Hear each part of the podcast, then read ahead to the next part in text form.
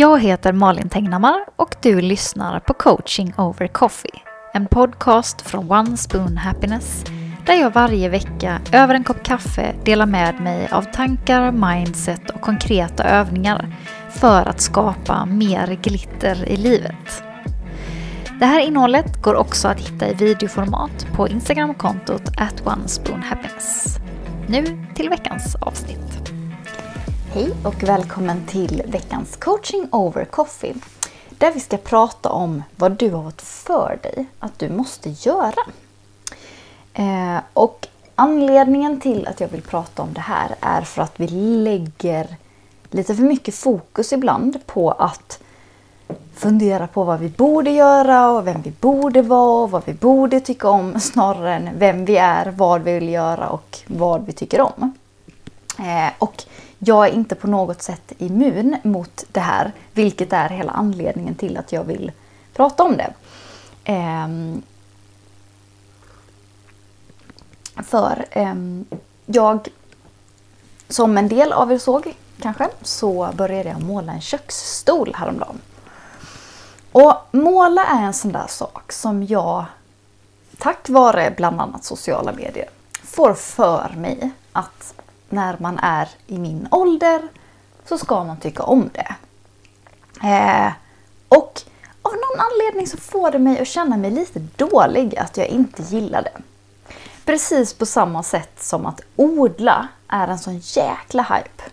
Och det får mig också att känna mig lite dålig. Att jag faktiskt tycker, inte tycker om det.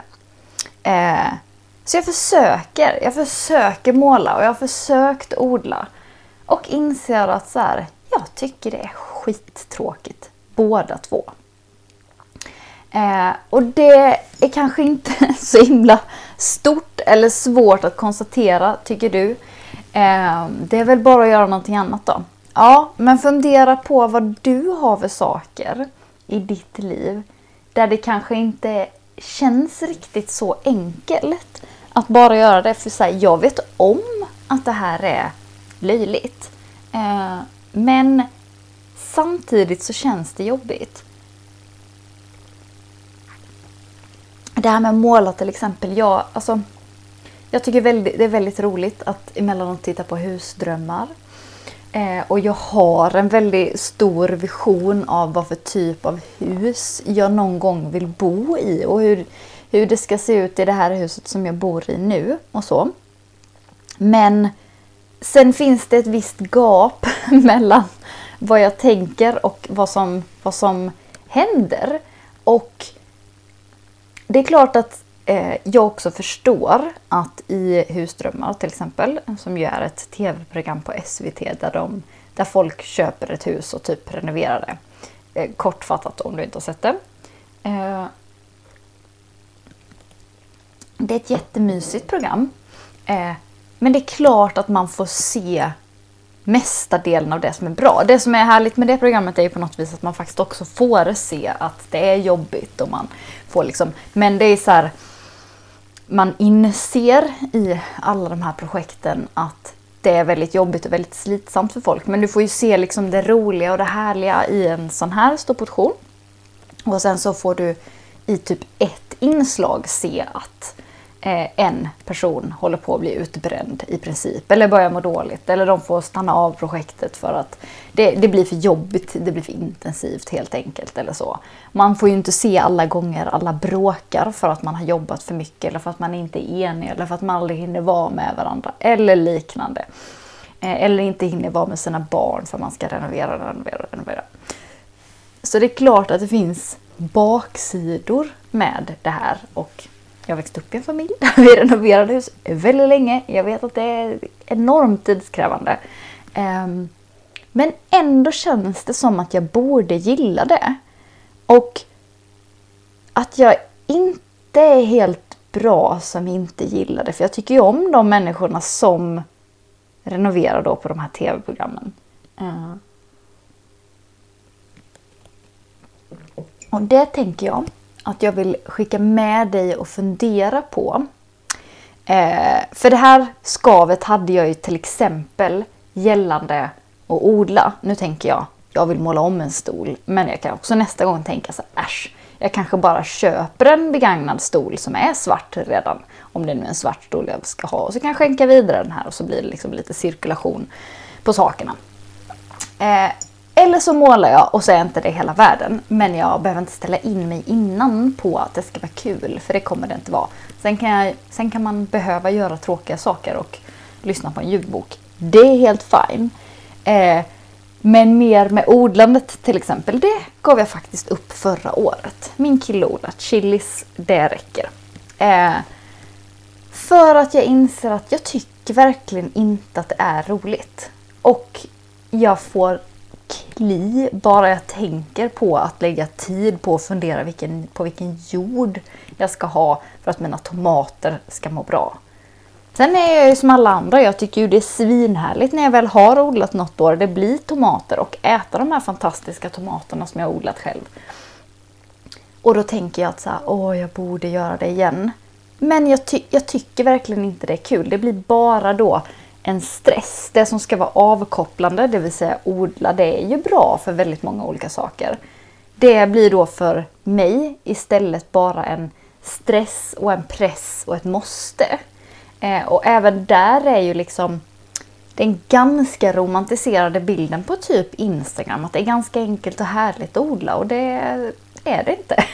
Det är ganska mycket jobb med det. Eh, och då måste man ju vara villig att göra jobbet. Och nu har jag pratat jättelänge om målning och odling och det kanske är saker som liksom inte passar dig alls. Men jag ville bryta ut de här exemplen lite grann för att du ska fundera på vad har du för någonting som du tänker att du borde tycka om eller borde göra som inte är din grej bara. För jag gör ju massa saker som andra tycker är dötråkiga som jag njuter av istället. Så att vi har ju liksom olika saker som vi tycker om att göra och olika saker som är avkopplande.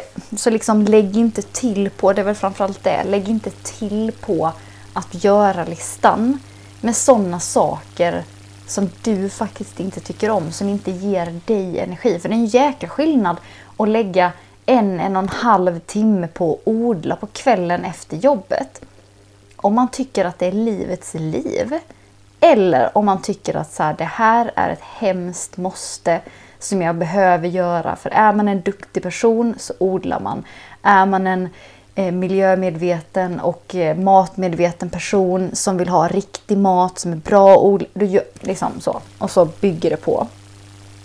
Istället för att så här, okej, okay, jag köper alltid de dyraste ekologiska eh, tomaterna på ICA. För jord och pallkragar och pannans moster kostar också en massa pengar. Så det är antagligen skitmycket billigare att lägga på fem spänn per paket tomat du köper för att få den bästa sorten. Eller tio eller vad det nu är för skillnad. Jag vet inte exakt. Varierar väl från vecka till vecka. Ehm. Så ja, det är, det är inte jättemycket mer jag vill med den här veckan. Mer än att få dig att fundera på vad har du för saker som du inbillar dig att samhället eller människor runt omkring dig eller vad det nu än är har en åsikt om att du borde tycka om och hur, när du liksom blir uppmärksam på det, hur kan du rikta din energi i en annan riktning eh, och göra sånt som du tycker om. Och kanske helt enkelt bara skita i det som du inte tycker är kul. Gör det inte. Dra inte på dig projekt i saker som du liksom inte vill göra. Det får bli dagens eh, korta meddelande helt enkelt. Det blir lite kortare coaching over coffee idag. Men det är liksom bara det jag vill säga. Och vill du boka in eh, coaching med mig eller kanske eh, framförallt ladda ner eh, workbooken och jobba lite själv så finns allt sånt via onespoonhappiness.se. Workbooken är typ så här tjock om man skriver ut den i utskriftsvänligt format, det vill säga det är bara framsidan som innehåller färg och den kan man plocka bort om man vill. eh, så får du en övning i veckan i ett halvår. Eh, plus en workshop på två timmar för 199 spänn. Eh, så är du sugen på lite personlig utveckling och fortsätta tänka på såna här tankar och frigöra lite mer kapacitet i hjärnan så eh, beställ gärna den. Eh, vi ses igen i nästa vecka för ett nytt avsnitt. Ha det så himla bra till dess. Det här var allt för den här veckan. Och tyckte du om innehållet i den här podcasten är min rekommendation att du går in på Instagram och följer mig på @onespoonhappiness för mer daglig inspiration. Vi ses igen nästa vecka.